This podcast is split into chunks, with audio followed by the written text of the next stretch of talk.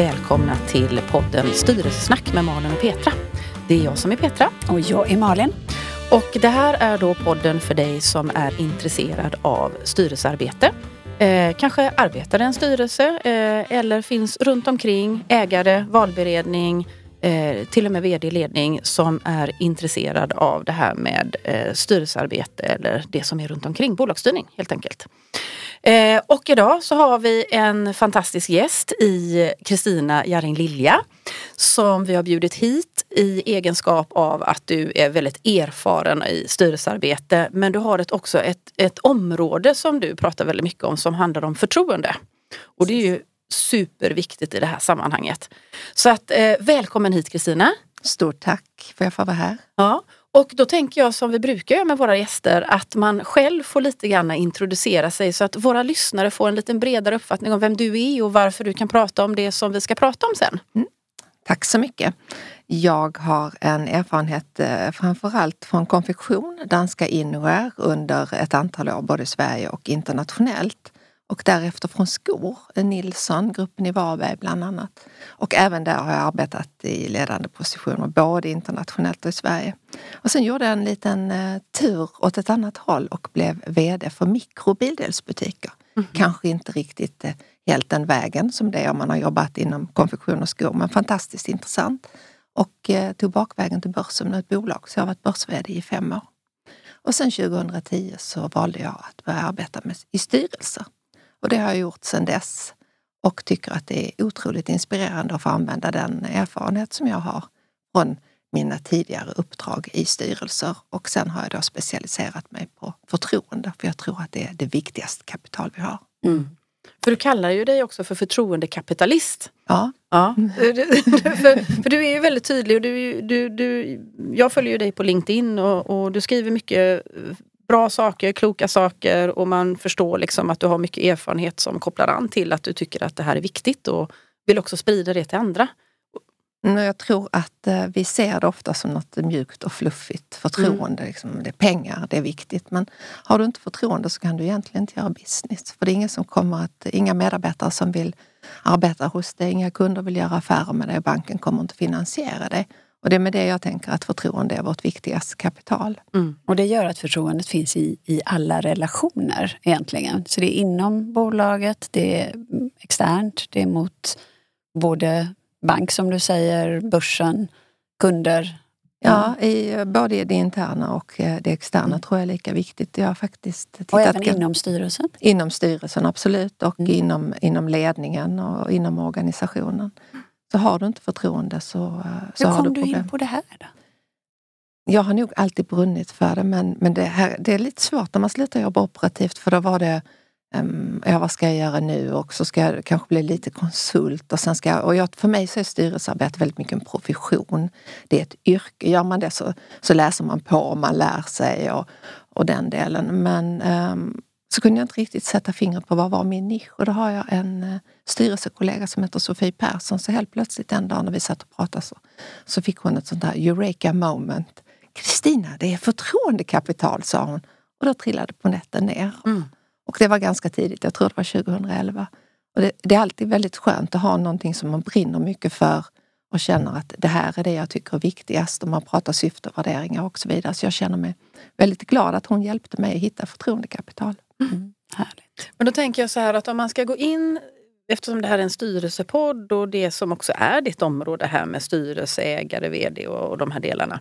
Var börjar vi någonstans och, och försöka bena ut det här med förtroendekapital då, i den här kontexten?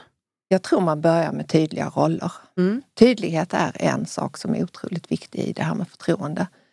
Tydlighet och förväntningar. Jag kan komma tillbaka lite grann till det också. Men tydlighet i ägarrollen. Ett ägardirektiv älskar ägardirektiv. Utan ägardirektiv, svårt för styrelsen att veta vad är det de ska leverera på. Mm. Och att man därifrån tar det tydligt in. Och sen ordföranderollen, om vi pratar styrelsen, en ordförande som man känner förtroende för. Har jag inte förtroende för ordförande så blir det svårt att arbeta i styrelsen. Mm. Och också vidare till VD. Men att man bygger det på förväntningar. Det finns en tysk sociolog som heter Niklas Luhmann. Jag rekommenderar inte att läsa boken, den var tysk och tung. Men väldigt intressant och han säger att förtroende är tillit till att förväntningar uppfylls. Mm. Mm. Och hela vår värld är fylld av förväntningar. Mm. Så man tänker utifrån styrelsearbetet så också ägarna, vilka förväntningar har ägarna på mig Mm. när jag ska arbeta i en styrelse? Mm. Och att vi vågar efterfråga dem mer. För i Sverige gör vi inte det speciellt mycket. Mm. Vi tror att om, Petra, om, du är ägare och jag är, styrelseledamot så tänker jag att ja, men du tänker samma sak som mig. Mm, så vi är nog överens. Och så säger man gärna lite så här typ att ja, ja, då säger vi så. Mm. Det. Mm. Det är typiskt svenskt. Mm. Och sen har du en bild och jag har en annan bild och sen Mm. blir det fel. Och då tappar man förtroendet. Men vad, jag tänker så här, har du då några reflektioner om vi då pratar ägardirektiv och den här tydligheten där. Eh, så eh, några återkommande områden som du gärna vill se att är formulerade i ett ägardirektiv. Eh, Finns det sådana delar som du har reflekterat över att ja, men de här pelarna behöver man ändå ha med? Värdering och syfte tror jag är avgörande. Mm. För att eh, förtroende bygger hela tiden på företagets värderingar och att sen ska ju både styrelse och vd och alla ska ju efterleva dem för att vi ska ha en bra företagskultur. Så värderingar är en del. Mm. Men sen mycket vad ska bolaget göra och vad ska det inte göra? Mm. Att kunna säga som ägare, det här, de här branscherna, så här får vi inte lov att göra. Mm. Och sen tror jag också, jag jobbar en hel del i ägarstyrda, ska man säga, behöver inte vara ägarledda bolag. Men också verkligen att man bestämmer sig för, finns det områden där jag som ägare vill ha veto?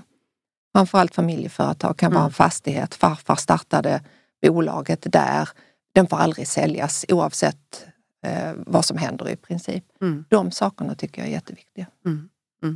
Och, och hur, hur ofta ska man utvärdera om man har förtroende? Det, jag, jag, jag ställer min fråga utifrån att jag inbillar mig, eller jag kan själv känna att det är så lätt, precis det här som du säger, det svenska, att ja men då säger vi så. Och så går tiden och, och har man inte utvärderat så är risken att man står väldigt långt ifrån varandra och att det blir ett problem. Mm. Istället för att man kanske stämmer av lite mer ofta. Jag tror för styrelsens del så tror jag en del i styrelseutvärderingen egentligen att man, eh, och VD har vi börjat göra nu i de bolagen där jag är ordförande, att när vi anställer en ny VD så säger vi så här, okej, vad är dina förväntningar på uppdraget? Vad är våra förväntningar på dig? Så skriver vi ner det. Så bokar vi en tid redan då, sex månader senare. Och så sätter vi oss och säger, okej, blev det som vi hade tänkt eller varför inte? Och jag tror egentligen i en löpande sex månaders cykel att det är bra att stämma av. Och då är det mycket enklare att säga, nej det blev inte så, men varför? Det var kanske inte inom vår kontroll och då är det okej att det inte blev som, eh, som man hade tänkt. Men just tydligheten och sen framförallt våga efterfråga men också våga säga om jag får frågan om ett styrelseuppdrag och vi säger att det skulle vara extremt mycket finansiell kontroll, att man egentligen skulle vilja ha någon med en CFO-bakgrund. Att jag också säger att men den har inte jag.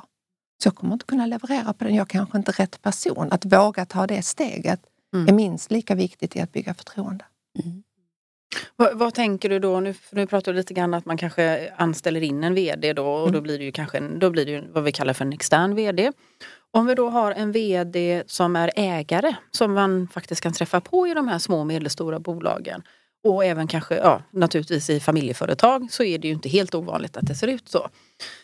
Hur klurigt är det att ha den diskussionen, dialogen, är den annorlunda än den du har med en extern VD som du faktiskt också varit med och anställt, tänker jag. Då kommer vi tillbaka till rollerna. Mm. Och då är ju det här med eh, förväntningarna att om du är ägare och VD, vad är det jag förväntar mig av dig?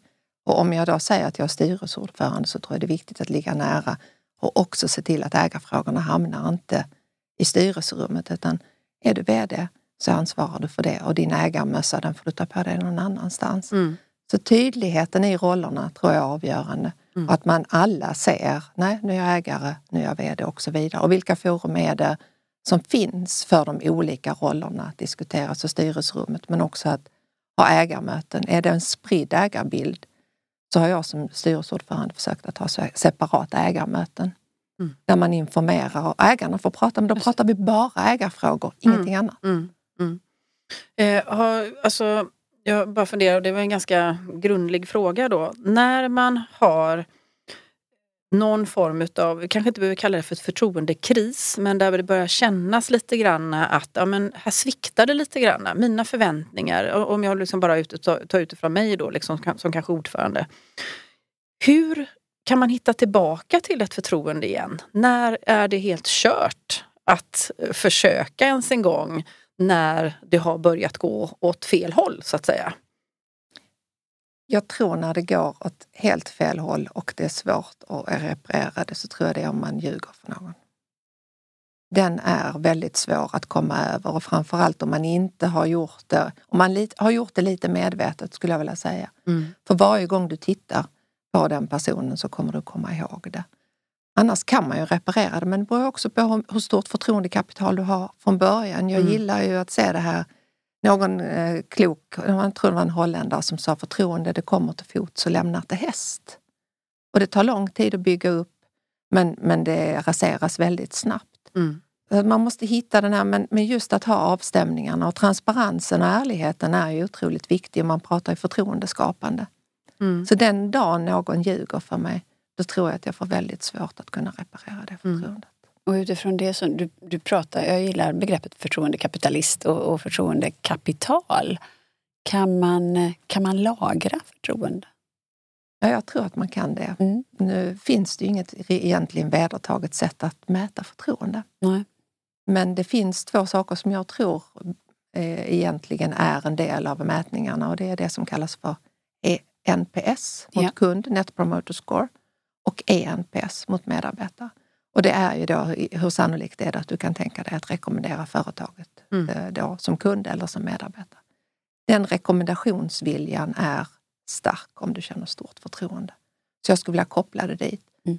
Men jag tycker att man ska titta på förtroendet när man gör DD-processer. Mm. mm. Och det har jag tagit upp ett kapitel då i min bok, att försöka liksom att titta på det. Ja, titta hur gör man hur, det? ja, men hur, hur, hur är leverantörsrelationerna? Mm. Vilka betalningstider har vi? Känner leverantörerna förtroende för oss eller gillar de inte oss jättemycket så vi blir inte prioriterade? Mm. Där är en del i effektiviteten. Och samma mot kunderna. Och hur ser, hur ser kundrelationen ut och hur långa har de varit? Och, och medarbetarna, pratar vi, kan vi bara titta på sjukfrånvaro. Har vi en hög sjukfrånvaro har vi troligtvis inte ett högt förtroende. Så det finns ett antal eh, sådana saker som ni märker att jag har nördat in mig på mm. detta. Riktigt. Och det är ju underbart. Alltså hur, hur, um, hur ensam är du i att prata och reflektera kring de här frågorna, känner du? Det finns en hel del kring tillit. Yeah. Och framförallt finns det på universitetet någonting som heter Tillitsdelegationen. En kvinna som heter Louise Bringselius i Lund som har skrivit, men då pratar hon ganska mycket om offentlig miljö offentliga organisationer. I näringslivet finns det nog några som tangerar det men inte lika tydligt att bara prata om det som mm. Eh, jag gör. Sen i USA är det mycket, mycket större mm. än vad det är i Sverige. Och man pratar, men där är också eh, min kära Niklas Luhmann, sociologen, han skiljer på tillit och förtroende. Mm. I Sverige så säger vi att jag, jag har tillit till dig, jag har förtroende till dig. Han menar att tillit det är en generaliserad attityd till omvärlden. Jag känner mig trygg när jag går ut härifrån att jag inte blir nerslagen på gatan. Jag känner mig trygg med att ni två betalar skatt och att ni sköter er som rekorderliga medborgare. Och där har man alltid sagt att Norden har väldigt högt, alltså tillit är Nordens guld. Och det är det generaliserade förtroende, är personligt. Mm. Det är bara på person och de, eh, hur jag agerar. Mm. Men det som är intressant också, det finns ett eh, amerikanskt företag som heter Edelman om det är någon som vill läsa mer. De gör en förtroendebarometer varje år som presenteras i samband med World Economic Forum i Davos. Mm. Och när de tittar nu på klyftorna i världen, mm. där vi då i Sverige har sagt att tillit är Nordens guld och här är det så bra. Så ligger vi på samma, eh, om man tänker polariseringen och hur otrygg jag känner mig i det här med klyftorna som USA och Sydafrika. Har det ändrats över tid då? Ja. Liksom, så nu är vi där mm. men det har varit sett annorlunda ut det har tidigare? Det gjort tidigare. Men, men Sverige, vi har problem här utifrån den delen också. Och när klyftorna då blir större och större, att en procent av befolkningen tjänar mer och mer pengar och de andra, man säger 5 procenten eller 10 procenten i botten får det mycket, mycket sämre. Det skapar också en förtroendeglapp kan man säga. Mm. Och det visar Edelmans att de man inte har förtroende för i den mätning de har gjort är de mycket rika ligger i princip längst ner. Sen har man inte alls lika stort förtroende nu som man hade tidigare för präster, religiösa ledare och inte för näringslivet. Men man förväntar sig att det bolaget man arbetar för ska ta ställning och de känner förtroende många gånger för sin egen chef, VD, men man känner inte förtroende i stort. Och det är lite skrämmande. Mm. För förtroende är det som gör att vi går upp ur sängen på morgonen. När du pratar om begreppet förtroende i ett styrelserum eller mm, ja, med någon som är styrelseaktiv på något sätt. Kan du prata om ordet förtroende? Eller, eller måste du liksom omvandla det här i att jag NPS och... och det, förstår du hur jag tänker? Mm. Nej, men det, det, det, är inga problem längre. För om Nej. du tar Dagens Industri och ser hur många gånger de skriver om förtroende och förtroendekapital just nu så har det blivit, det har blivit mycket mer intressant med det som mm. jag jobbar med med tanke på de förtroendekriser som vi har haft. Och eh, där är ju Swedbank ett eh, exempel också med Birgitte Bonnesen som var väldigt tydlig med att Swedbank har inte de här problemen. Mm. Och sen visade det sig att de hade det. Och just ödmjukhet och ärlighet och kanske kunna säga att hade hon gjort som de andra bankcheferna och sagt att det här är ett problem för alla banker. Vi kanske har några problem men vi gör vårt allra bästa. Så hade det aldrig blivit som det mm. blev. Och då kan man ju jämföra för då, då känner jag också att, att förtroende, förtroendekapital ligger i affärsvärlden väldigt nära när vi träffade Mikaela Ahlberg och pratade risk mm. och etik mm. och, och så. Att det, det, det är någonstans nästan två sidor av samma mynt. Ja, det kan man säga att det är. Det, det är en stor risk och jag tror att man måste försöka att tänka till hela tiden vad man gör. Det var någon som sa att men tänk Uppdrag granskning. Om, om vi gör det här och Janne Josefsson han kommer med mikrofonen och säger hur tänkte ni här? Kan vi då förklara att vi gjorde, att det vi gjorde var rätt? Mm. Så man måste tänka efter lite grann före. Sen kan man inte sitta och tänka hela tiden. Men just ur ett styrelseperspektiv så skulle jag vilja säga att man ska ställa sig frågan om vi fattar det här beslutet, hur kommer det att påverka företagets förtroendekapital? Mm. Den tror jag är jätteviktig att man, eh, att man tänker till innan. Mm. Ja, och sen är förtroendekapital med. KPMG har gjort en, eh, en lista nu på kapital där vi då har ju materiella tillgångar, anläggningstillgångar och, och den delen. Där är förtroendekapital faktiskt med, vilket glädjer mig mm. mycket.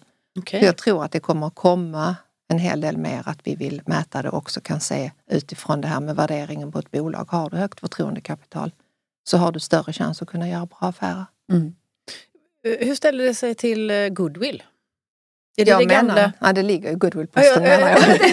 Nej, men jag ja, precis, så, så vi pratar samma sak här. Ja. Liksom, för den, den tar man ju, kan man ju ta upp, liksom, liksom goodwill-posten mm. liksom, i sin balansräkning mm. tänker jag. Absolut, jag mm. tänker att goodwill ligger i balansräkningen så mm. att den är absolut en tillgång i, och när mm. du säljer bolaget så är det goodwill som, mm.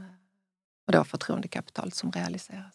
Men då är det också som du sa tidigare att, att um, ett förtroende kapital kan raseras rätt så snabbt. Mm. Um, det var ju hästen som sprang iväg. Ja, det var hästen där, precis. Mm. Uh, att det kan gå rätt så mm. snabbt att, att förlora sitt förtroendekapital. Um, gör det oss rädda?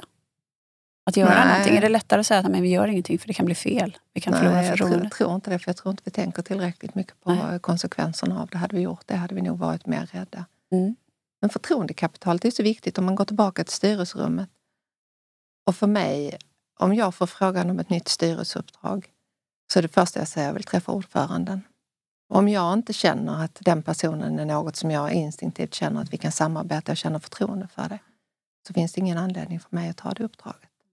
Men då tänker jag, vad, vad är det som gör att du får den känslan med till exempel en, en ordförande då för ett potentiellt uppdrag? Alltså, vad, vad är det som adderar upp till att du får den känslan. Kan du sätta ord på det mm. för dig? Mm. Mm. Det kan jag.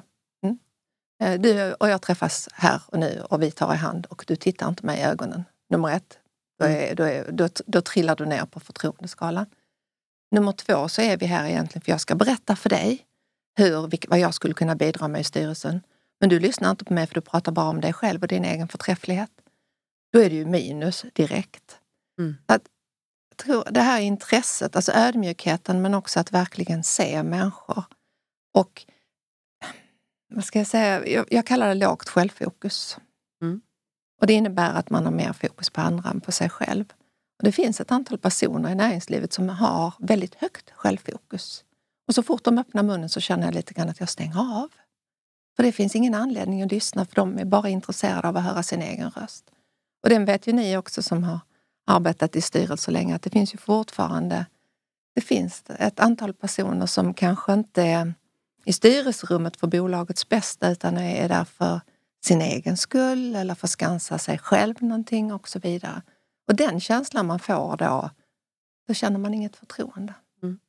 Jag, jag vill koppla an lite grann. Vi hade ju en gäst eh, lite tidigare, Mikael Alphov, där vi pratade om högpresterande styrelseteam. Mm.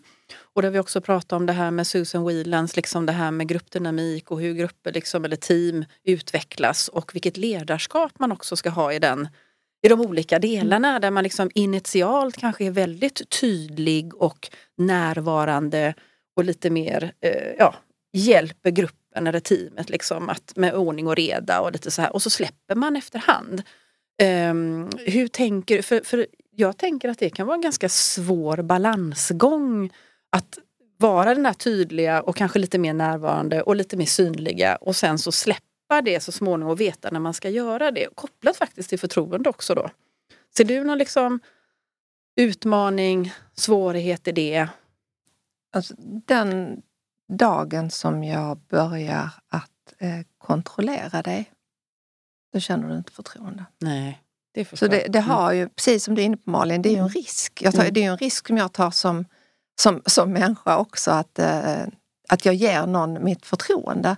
Och sen finns det alltid en risk att den personen inte lever upp till dem. Då kommer vi tillbaka till förväntningar som jag hade. Mm. Så att, eh, men man måste göra det och någonstans där så måste det också, och går det då fel, då tror jag det är otroligt viktigt att du måste kunna ha den tydliga transparenta dialogen med att okej okay, nu gjorde vi så här men det fungerar inte. Och framförallt så är, så är kommunikationen är avgörande i att bygga förtroende. Mm. Och som styrelseordförande också att ha en nära dialog. Jag lyssnade på några av era tidigare avsnitt också det här att hur nära ska man ligga som styrelseordförande? Man kanske har, jag är ju också en sån typ av person som gärna vill styra upp lite och få lite ordning och reda. Och, och var släpper man? Men styrelsen är ju speciell på det sättet. För jag tror att all, alla måste känna att man kan bidra. Och där, att bygga förtroende som styrelseordförande, tror jag det är mycket att gå, se till att nummer ett, alla kommer till tals, att man går laget runt. Men också att utvärdera mötena och kunna ta den feedback man får. Mm. Utan att, att på något sätt vifta bort och säga att ja, men det var bara detta mötet, det blir bättre sen. Att verkligen ta det till sig och se vad kan vi göra bättre. Mm. Och det har vi ju kommit tillbaka till ett antal gånger, just det här med, med ordförandes roll. Mm. Att det handlar om att få alla att blomstra i, i styrelserummet och, och inse och uppskatta att vi har lite olika profiler och, och erfarenheter och personligheter mm. i det. Jag, jag, funderar på, eller funderar gör jag kanske inte fel, fel, fel ord, men jag tänker att vi bara ska göra klart att om man i ett styrelserum har ett högt förtroende i gruppen så innebär det att man också välkomnar olikheter. Så det är inte det att vi alla ska tycka nej. samma sak. Att vi får, Precis. Eller hur? Ja, nej, nej, men, och, och, och, den har ju mycket i, jag tror att tvärtom när det föder misstro som då är motsatsen till, till förtroende. Det är ju personer som är rädda för att om man tänker att eh, man ska leda andra så måste man börja med att leda sig själv. Och en del i att kunna verkligen bygga förtroende som person, det är att jag har en, en stark, god självkänsla i mig själv.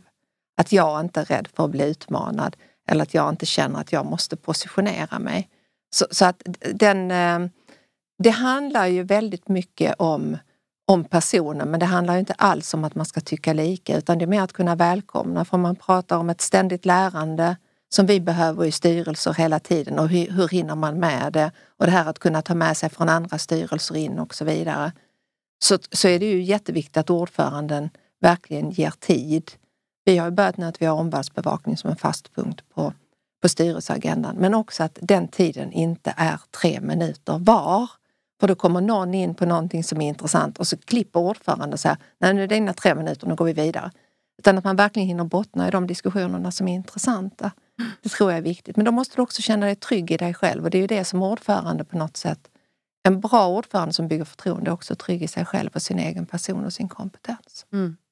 Men då tänker jag så här, vi har ju pratat om det i lite tidigare avsnitt det här med, um, för, nu pratar du om förväntningar och det är ju, har man blivit vald på en stämma så är det ju väldigt många som då bara har sitt konstituerande styrelsemöte och så yes, så är vi igång. Mm.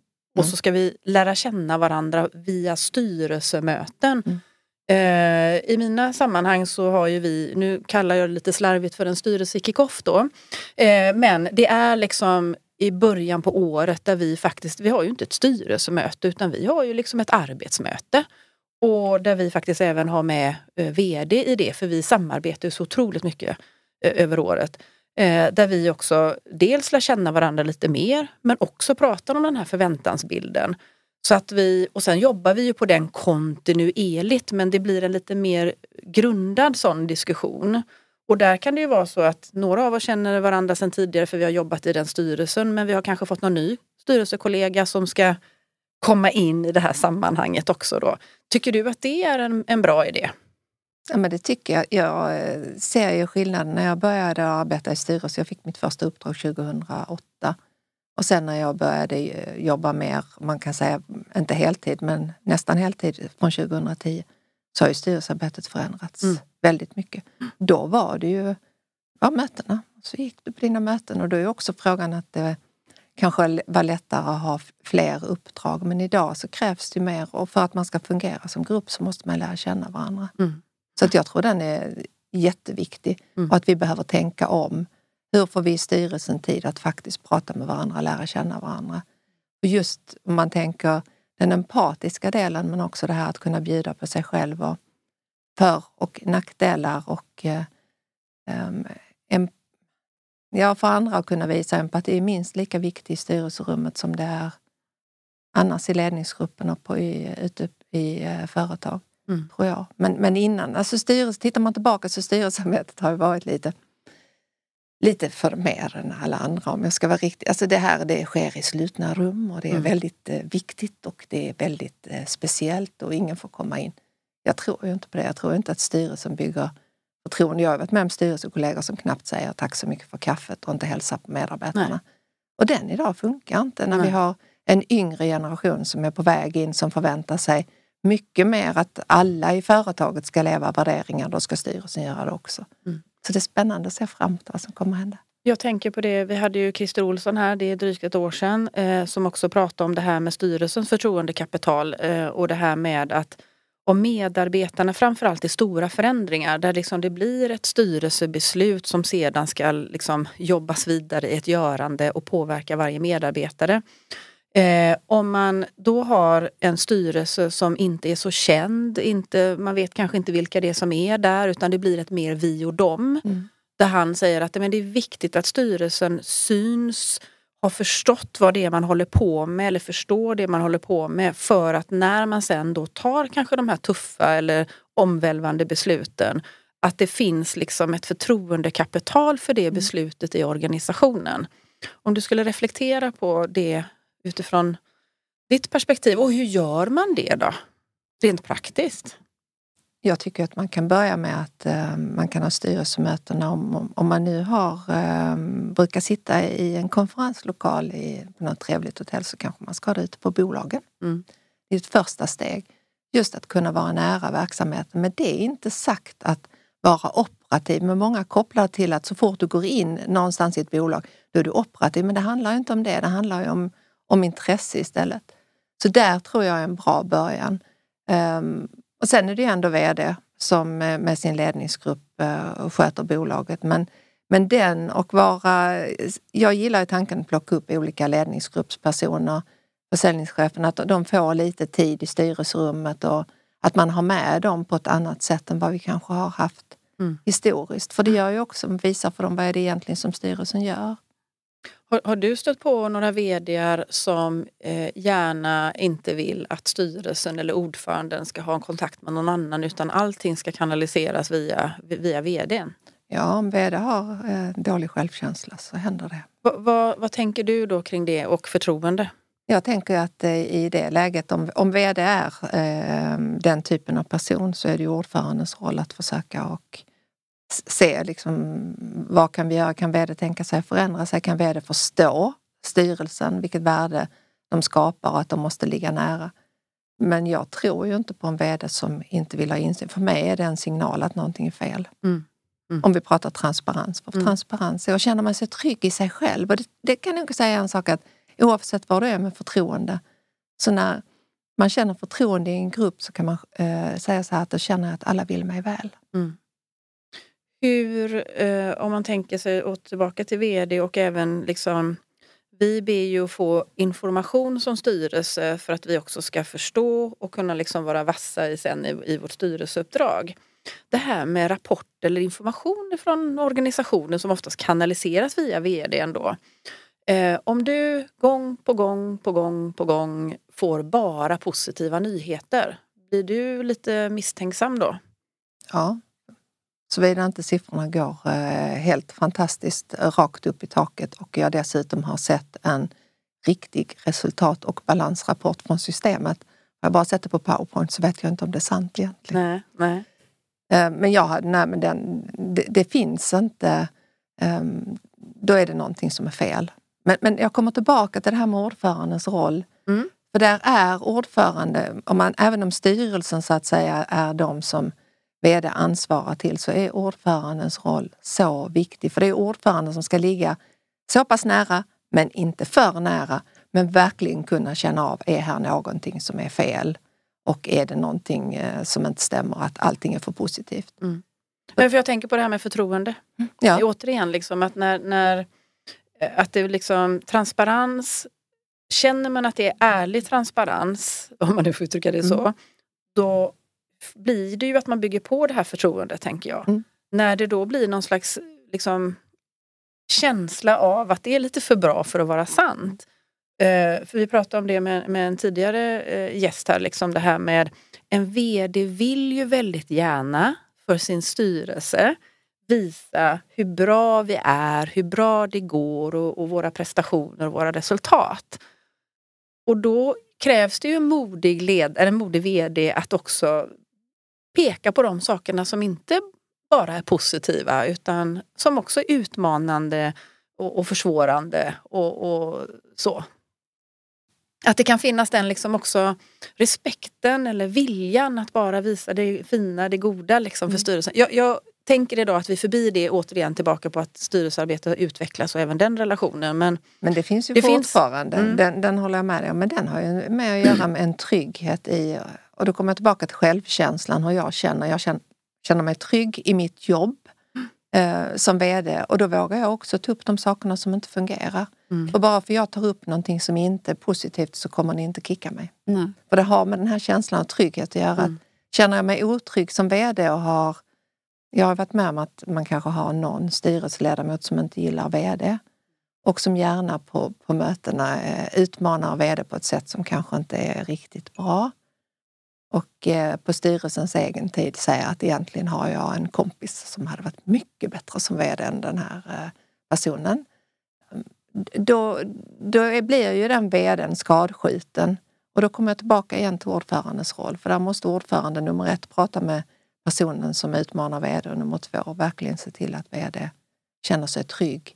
Mm. Och VD har förtroende, just när man pratar förtroende, så VD har förtroende till den dagen, den dagen det är förbrukat, då är det styrelsens uppdrag att byta VD. Precis. Och det är ju egentligen, där landar ju ordet förtroende väldigt Mm. väl. För det är ju faktiskt det vi använder och det man ofta hör.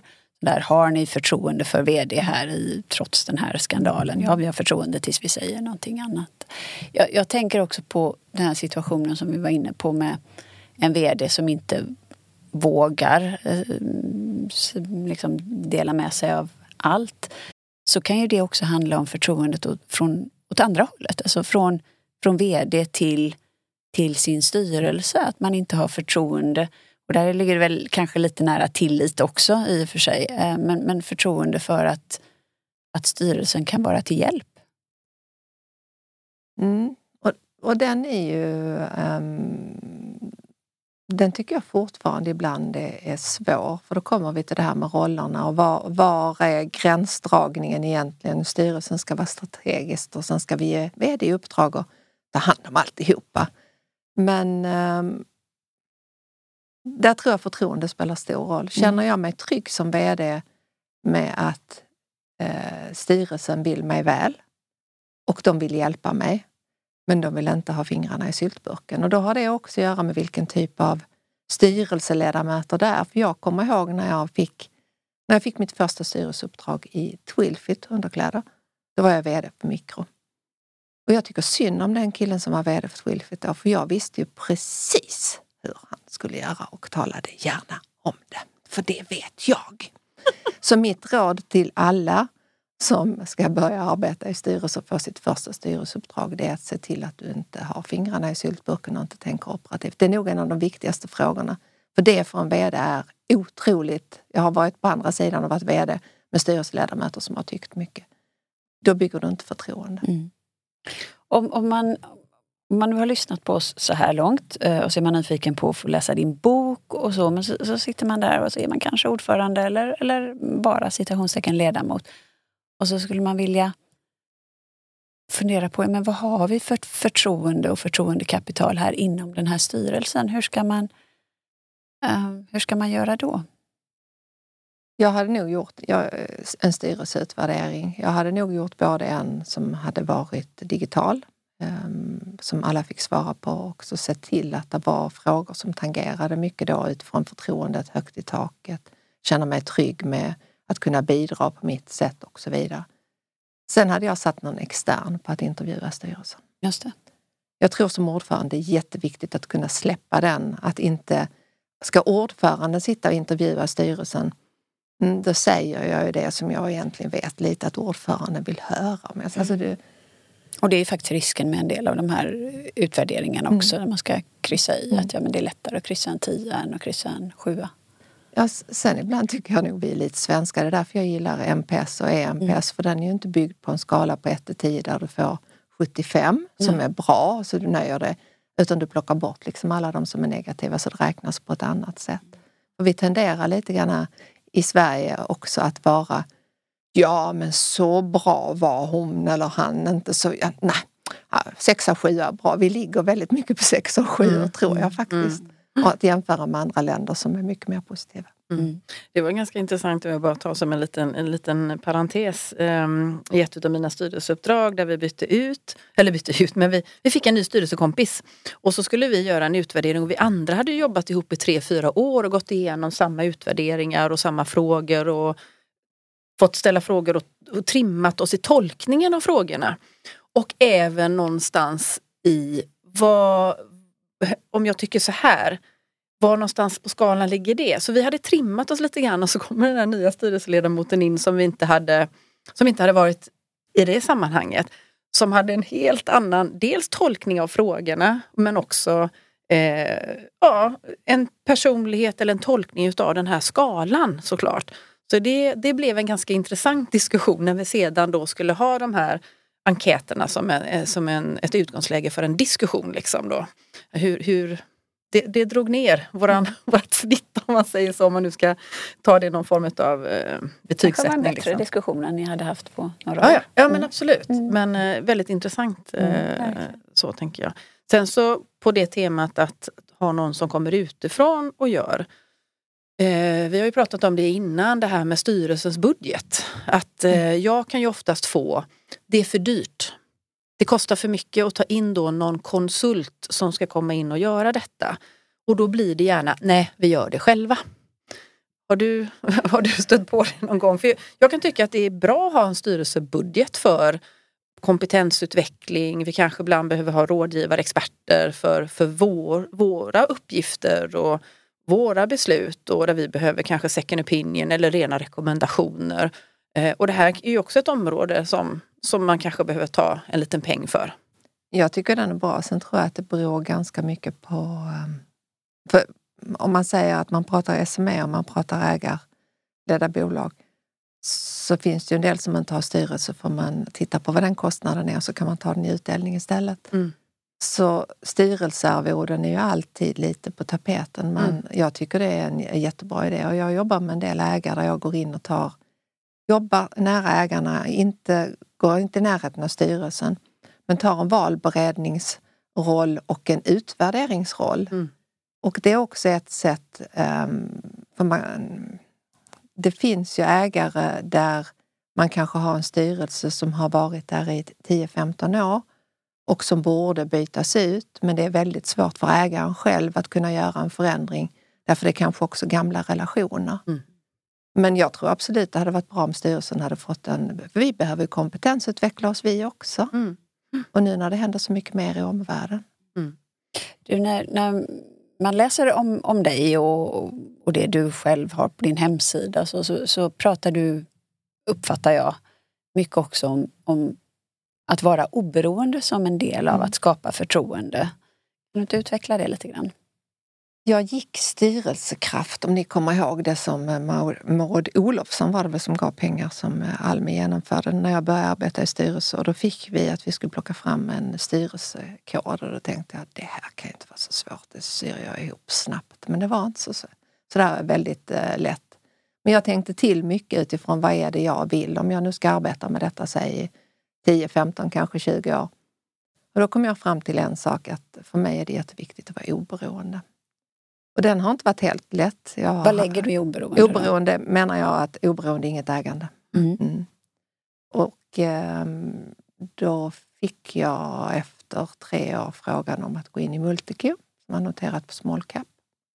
Och satt med ägarna och de tyckte det var jätteintressant. Och på tal om förväntningar så, så frågade jag dem så sa jag att okej, okay, det här tycker jag också är intressant men om ni förväntar att jag ska köpa aktier så kommer inte det hända, då är jag inte rätt kandidat. Och då var det någon som sa till mig, varför tog du upp det då? Det behövde du inte bekymra dig om, du kunde tagit uppdraget. Nej, då hade jag suttit i varje styrelsemöte och funderat på att mm, det här, nu, nu är det fritt, nu kan vi köpa. Ska inte du köpa Kristina? Och då skulle jag sagt att nej, nej, jag tänker inte det. Och det är samma, jag är ordförande i ett, eh, en koncern här i, eller Sjösom Mat och Dryck som är ett affärsområde inom Sjösom-koncernen där jag också är ledamot. Och jag var tydlig med Hans Anders och Lars som äger den och gick in att jätteintressant men jag kommer inte att köpa in mig. Och jag tror att det är viktigt att vara det för jag känner att då är jag den oberoende personen jag vill som bara sitter där och tänker på bolagets bästa. Mm. Och då tänker de som lyssnar så här att ja, men vi är, har ju aktier, är inte vi oberoende och tänker liksom på bolagets bästa? Jo, det gör man kanske, men min erfarenhet är så fort du kommer in med något eget ägande samma i börsbolag, då kunde jag köpt in mig. Sen skulle vi kanske behöva köpa en sommarstuga. Om jag då säljer, då tror jag inte på bolaget. Så för mig har den, eh, det har varit jätteviktigt och det, den håller jag fast vid eh, totalt. Och jag känner verkligen att jag tänker på bolagets bästa i alla lägen. Mm. Och så, jag har exakt samma resonemang som du. Jag går heller inte in med ett ägande. Eller att, även om jag blir erbjuden. Så mm. att, eh, jag kommit fram till samma sak. Mm. Och det där är ju, det är ju, jag tycker det är viktigt och det är bra att ta den diskussionen. För sen finns det ju de som, men precis som när du ställer frågan, som gör det till en förutsättning. För att de, de säger att ja men vad är signalerna till marknaden då om, om inte ens våra, styr, alltså ens, om inte våra styrelsemöter ledamöter vill vara ägare och, och, och, så. Så att det, det, är spännande att, att ta den frågan och att också koppla den till oberoende tycker jag. Mm. Jag tror det är viktigt att man har några i alla fall i styrelsen och eh, ni vet ju själv att eh, börsbolag gör det ju transparent. Du kan gå in på hemsidan så ser du aktier noll. Mm. Och det är ju som du säger Malin, att den här, hela pilotskolan, hela mm. tanken mm. var med det att om du, du äger så kommer du göra ett bättre jobb. Men för mig så spelar det ingen roll. Jag kommer liksom inte göra ett bättre jobb för det. Och sen på tal om förväntningar så kom jag att tänka på en annan sak. När jag precis hade börjat, så, och då behöver man ju styrelseuppdrag. Om man nu ska bli professionell styrelseledamot måste man ha uppdrag för att vara trovärdig. Några stycken. Ja. Då fick jag eh, frågan från Miljonlotteriet som ägs av IOGT om jag ville gå in i styrelsen. Och eh, vi hade två möten och det kändes jättebra. Och när jag satt där så tänkte jag, mm, undrar om de tänker att jag ska ta ett nykterhetslöfte. Mm. Och då kommer samma sak, då behövde jag ju uppdrag. Den behöver jag nog inte fundera på nu, den kan jag ta i sen. Men jag faktiskt bestämde mig för nej, jag måste ta den frågan. Så jag tog den där och då och sa att är det så att ni känner att ni vill att jag ska ta ett nykterhetslöfte så är jag nog inte rätt för det här uppdraget. Och då fick jag igen, nej det behöver du inte. Mm. Och jag var med i styrelsen i sju år och så skönt det var varje styrelsemöte att jag inte satt och funderade på att och de undrar kanske om jag dricker vin. Mm. Det, det, mm. Så de sakerna, så det jag verkligen vill skicka med till alla, just det här med förväntningar. se till liksom att våga efterfråga dem. Och det gör att livet blir så mycket bättre och lugnare och tryggare. Mm. Men, men det är väl där jag tänker lite grann som också ett medskick till personer som får en fråga. Att man innan man får en fråga eh, ref, reflekterar själv över i vilka sammanhang vill jag finnas i? Mm. När gör jag mig bäst? Så att jag i utvärderingssamtalen, för det är ju en ömsesidig utvärdering, får ställa de frågorna eller liksom ha klart för mig vilka frågor jag ska ställa och naturligtvis vilka svar är det jag vill höra. För ibland blir vi ju väldigt förtjusta i människor och tänker lite grann så här, ja ja, nej men det blir nog bra.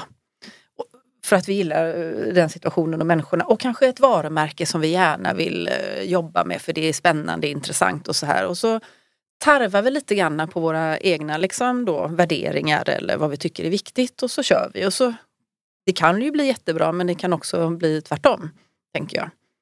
Ja, min erfarenhet är att det det är sällan det blir jättebra om man inte har tydliggjort eh, förväntningar. Jag mm. tror det, det, det är absolut det som jag vill skicka med mest. Men också att man är tydlig. Vi är inte, som vi började med, vi är inte så tydliga i Sverige. Ibland tror jag att man tycker att tydlighet är hårt. Det, det är lite obehagligt när människor är tydliga. Man får inte vara för tydlig för då, då är man inte, kan man inte koppla det till empati. Men man kan vara tydlig med eh, empati. Mm. Eh, hur ställer du dig till att jobba styrelseaktivt i bolag utan VD? För om du tar ett privat bolag så behöver du inte ha VD. Den har jag inte funderat på överhuvudtaget. Ehm, hur tänker du att det skulle fungera då, tänker jag? Nej, ja, men det, det, finns ju faktiskt bolag där man säger att ja, men vi vill inte ha någon VD. Nu kanske det är mer så i startupvärlden och en annan generation. Men däremot så finns det ju eh, organisationsteorier där man liksom säger att nej, men vi ska vara chefslösa, vi ska jobba på ett helt annat sätt och vi ska med, med eh, eh, självstyrande, självstyrande ja, mm. eh, andra organisationsteorier och där man då väljer att faktiskt inte ha den formella rollen VD av den anledningen. Men driver du ett aktiebolag så har du ju trots allt krav på en styrelse. Så att du kan ha en styrelse med allt det ansvaret men däremot då så har ägarna i sitt ägardirektiv till exempel sagt att nej men, Um, vi vill organisera oss på annat sätt, vi vill ha en annan, liksom, ett annat organisationsupplägg. Och då måste man ju gifta ihop det med de här lagkraven som vi ändå har i Sverige på aktiebolag. Uh, och då kan hamna i en, ja, men i en, en styrelse, ja, du får ju välja själv först mm. naturligtvis, mm. men, men att man faktiskt inte har VD. Jag tänker bara på det här, koppla bara till förtroende och, och liksom vad... För mig är den svår med tanke på att jag tror på tydliga roller. Mm. Jag tror att tydligheten i rollfördelningen, så om man inte har en VD, vem är det då? Rapporterar samtliga till styrelseordföranden och till styrelsen. Nu känner jag mig lite gammal. Men jag är inte säker på att jag tror på det. Jag tror mm. att det måste vara någon tydlighet i, i vem är det som bestämmer. Och det är som tar egentligen... ansvaret, ja. kanske inte bestämmer, men vem är ansvarig? För det här kollektiva ansvaret Nej, jag trodde inte det. Alltså, jaha, var det jag? Nej, det förstod jag inte. Jag, nej, jag vet inte. Och det behöver inte vara så, nu raljerar jag, men nej. Men, men det tror jag egentligen, för då är vi tillbaka till ordet förtroende. Mm. För att vad du säger egentligen, nu, nu var det här ett lysande exempel, men om inte du har förtroende för styrmodellen eller för ledningen eller för olika så har du inte förtroende för det sammanhang som du ombeds gå in i, då tackar du nej. Ja, ja ska, precis, absolut. Ja, nej, jag hade, inte, jag hade inte klarat den. Ja. Men det, det är ju men jag min... tänker så här, nu får jag utmana dig lite grann. För du sa, vad sa du, att det här kollektiva ansvaret. Mm. Då tänker jag, vad är en styrelse då? Det är också ett kollektiv. Men det leds av en ordförande. Ja, fast ordförande det säger vi leder arbetet men vi har ju ändå liksom, eh, om du ska ta beslut till exempel så gör ju det majoritet. Absolut. Det skulle du kunna göra i nästa steg också. Jag är ledningsgruppen också. Ja, nej, men jag säger, så, så utifrån det perspektivet så skulle man ju, mm. är man ju kollektiv som kollektiv. Mm. Men då är ändå ordföranden i, eh, nu ska jag hårdra det i min pyramid, nu blir jag, tänkte säga, nu blir jag en blå person men det är jag ju faktiskt inte. Men eh, ägare, valberedning, styrelseordförande har en del i den och sen styrelsen och sen vd och sen ledningsgruppen. Och det är ändå styrelseordförande som kopplar tillbaka till ägarna och valberedning om det finns en. Så att eh, nej, den Petra tror jag inte är något för mig i alla fall. nej, nej, nej, nej, nej, jag bara tänker liksom att ja, nej, men det finns ju de som tänker så. så det, Mm. jag tycker det kan vara Jag intressant att Jätte, bara... Jätteintressant. Och, jag, och det, det är precis som Malin säger, jag tror att det finns olika sammanhang för olika typer av Ja. människor. Och sen måste man själv ha förtroende för den modell man går in i. Så är det. Precis. För då vet man att man, man är sitt bästa jag. Och man är man skapar tillit omkring sig. Och, Sen finns ja. det ju de som vill testa och pröva sig fram. Absolut. Mm. Men- Utmana sig själv. Ja. Mm. Men, men då, då, då gäller det att hitta en person som, är, eh, som ser de möjligheterna och som är villig att ta liksom att, att eh, kunna vara med på den resan för att man tycker att det är spännande. Eh, jag funderar lite grann, vi har pratat VD, vi har pratat inom styrelsen, vi har pratat ägare, men jag bara liksom så här. Eh, vad är det i ägarrelationen som du har sett och din erfarenhet där du liksom har gått in i ett sammanhang och känt förtroende och där det med tiden har ändrats till att man kanske lite grann ifrågasätter förtroendet för ägarna, tänker jag. Vad är det de har pysslat med då? Har det varit i den typen av situation där det har förändrats till det mer negativa under resans gång? Ja, jag gick in som ordförande i ett bolag ganska tidigt, eh, 2011 när jag började och eh, med en, eh, en ägare, en kvinna som var otroligt eh, entreprenöriell och hade eh, mycket idéer. Men hon skulle egentligen inte ha en styrelse. Mm. Och där tror jag att man tappar förtroendet lite grann att när man säger att ehm, jag, jag vill så gärna, jag vill göra det här. Ehm, och, och dessutom så gick jag in, vi, vi var tre stycken som gick in vid det tillfället. Men egentligen så menade hon inte det utan hon ville, hon ville egentligen köra som hon hade gjort innan. Men jag tror kanske att banken hade sagt att det är bra, nu är du i den fasen så du kanske ska ha en styrelse. Ni vet det, det här som kommer. Och där gick jag ur efter ett och ett halvt år. Mm. Så det är ett, ehm, annars känner jag nog inte att... ehm, för, för mig är det mer, tappar jag förtroendet så är det ju att vi att man inte uppfyller de förväntningarna, någonting som man har lovat. Och det som skulle kunna få mig att tappa förtroendet är också att ägare som säger att vi, vi jag är otroligt värderingsstyrd. Så för mig är det väldigt viktigt vilka värderingar har ni? Vilka värderingar har jag? Korrelera, liksom korrelera dem och så vidare. Ehm, ägare som, som sätter upp eh, värderingar i ett, eh, på ett papper och sen inte efterlever dem själv skulle jag inte ha förtroende för. Mm. Men jag har faktiskt inte varit, varit ute för det. Jag tror jag också jag har blivit mycket bättre på just det här att säkerställa förväntningarna innan. Sen vet man inte, det är magkänsla. Mycket av det här är precis som ni sa, man, man gillar någon och så tänker man att det löser sig sen för vi har så kul. Mm. Och så gör det inte det. Men Mm. där är för, just förväntningarna otroligt viktiga.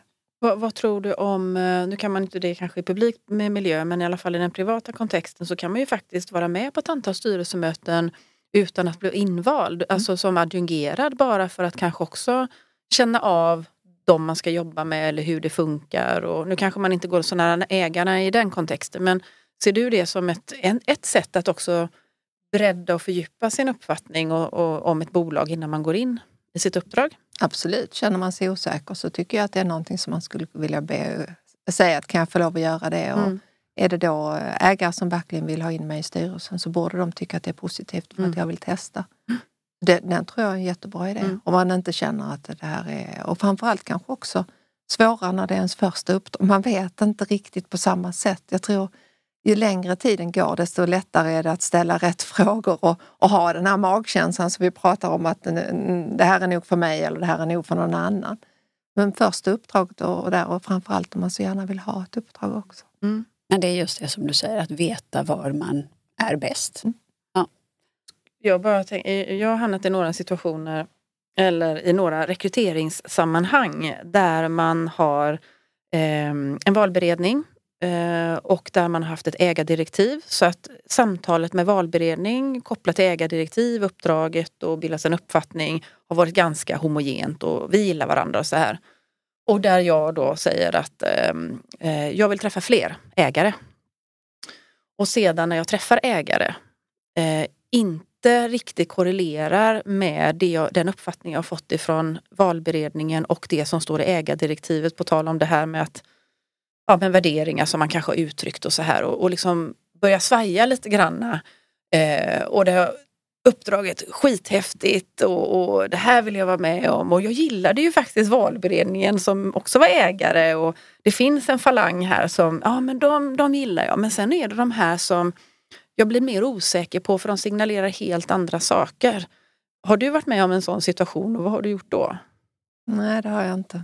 Mm. Och där är också frågan hur tongivande, de, de ägarna som egentligen inte du känner det förtroendet för, då är frågan var är de i, liksom, hur tongivande är de? Mm. Och hade det varit ett antal som jag hade gillat och som kanske jag skulle jobba med i styrelsen och de andra hade varit minoriteter, mm.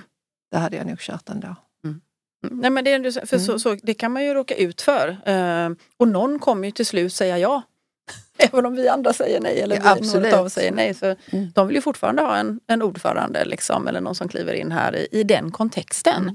Och då kan man ju ibland få frågan också så här, ja men vi vill ha en ordförande som faktiskt kan eh, få ihop oss. Mm. För vi är lite spretiga, vi är lite olika. Så det är en uppgift som, du, som vi också vill att du ska ha. Men då är det tydligt i uppdraget och det är tydligt med mm. förväntningarna. Mm. Och då är det skillnad, för mm. då vet man det. Mm. Men när man inte vet vad, man ska, eh, vad förväntningarna är, det, då blir det svårt. Mm. Mm. Mm. Fantastiskt spännande. Och jag, jag känner någonstans Kristina att eh, du har lyckats sätta ljus på förtroende som något som faktiskt är både helt grundläggande men också allt annat än fluffigt och väldigt, som jag hade lite bilden, men det här är någonting vi är världsmästare på i Sverige.